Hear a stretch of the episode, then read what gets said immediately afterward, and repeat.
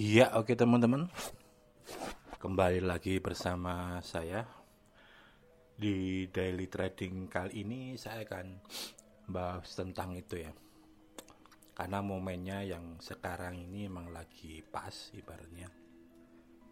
Ini menurut saya ya bahwa tentang money flow in crypto itu sebenarnya udah udah banyak dibahas ya oleh banyak orang.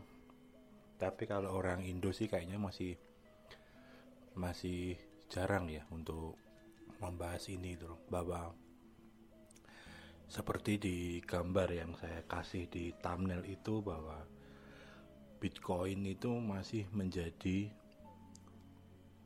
primadona atau bisa dibilang patokan utama buat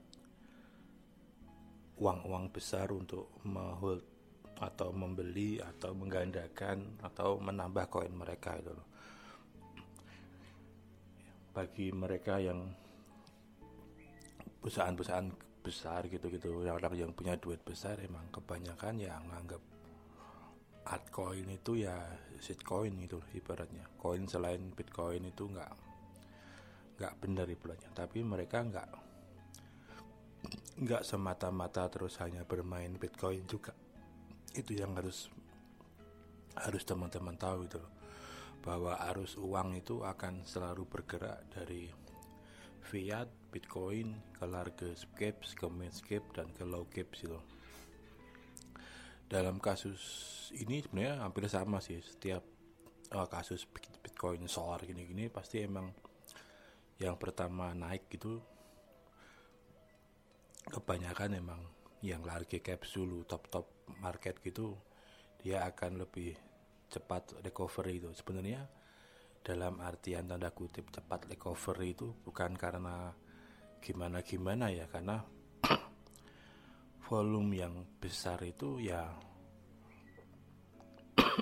lebih enak buat uang besar keluar juga itu loh. Yang harus teman-teman pahami seperti itu baru nanti ke min cap gitu yang tengah itu akan dinaikkan juga yang low dinaikkan juga. Karena yang perlu teman-teman ketahui bahwa market itu nggak akan pernah jalan tanpa market maker gitu loh. Atau prismaker atau apalah. Kalau bahasanya orang saham atau orang yang di dunia kayak gini kan istilahnya kayak bandarnya ibaratnya itulah dan teman-teman kalau menyikapi kalau udah tahu flow kripto seperti ini ya caranya bagaimana? Ya ngikutin aja mereka. Mereka naikin yang lagi. Kayak biar teman-teman ikut ikut menikmati di sana itu loh. Nanti min cap yang naik ya teman-teman ikut ikut menaiki ikut ikut merasakan di sana itu loh ibaratnya. Jangan terus saklek nganggep uh, itu salah itu apa? Itu loh buat saya. Kita ya open minded aja. Toh kita ini kan cuman laler kan. Modal kita cuman berapa buat nggak mungkin lah kita bisa. Saya yakin lah yang dengerin ini kebanyakan juga nggak mungkin lah punya power buat naikin harga koin gitu loh. Saya percaya itu sih. Kecuali yang dengerin saya ini ya sekelas Elon Musk atau apa mungkin bisa itu. Tapi kalau masih selevel saya yang rada laler kayak gitu ya trading masih mungkin di bawah 10 miliar atau 10 juta atau satu juta itu ya mungkin ya nggak nggak akan punya power buat itu semua itu loh. Jadi kalau teman-teman paham harusnya bahwa uang itu akan selalu dilipat dari Bitcoin lari ke large caps ke min cap ke low cap baru nanti balik lagi ke Bitcoin dan akhirnya mereka take profit ke fiat gitu loh. Jadi kalau udah paham alurnya itu ya sebenarnya enak aja. Kita tinggal ngikutin ngikutin market aja gitu. Di sisi lain juga berarti indikasinya juga selain Bitcoin ya nggak usah terlalu banyak dalam long term investment itu ibaratnya kalau di crypto itu loh.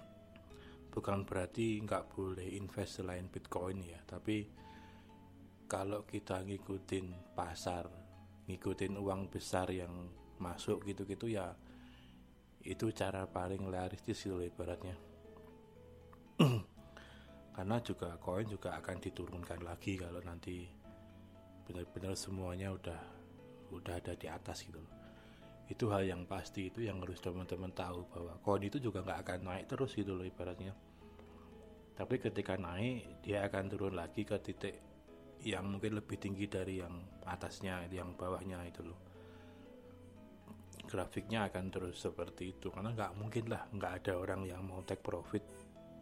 Nggak mungkin orang mau beli koin tanpa take profit sedikit pun dulu bahkan ketika modalnya kecil terus koin itu naik menjadi misal satu juta persen atau apa itu 50 persen koin itu atau asetnya itu pasti juga akan di di TP loh, take profit gitu dan 50% itu ketika dia berada di benar-benar deep dan kenaikannya akan sangat sangat sangat tajam ya itu akan terasa banget uang uang keluar di market juga akan gede banget. Walaupun bagi mereka itu hanya uang sedikit karena itu mungkin hanya 50% profit mereka yang mereka tarik gitu loh. Nah teman-teman paham ini sih sebenarnya uh, ketika posisinya kesoran gitu mungkin bisa agak adem gitu loh ibaratnya.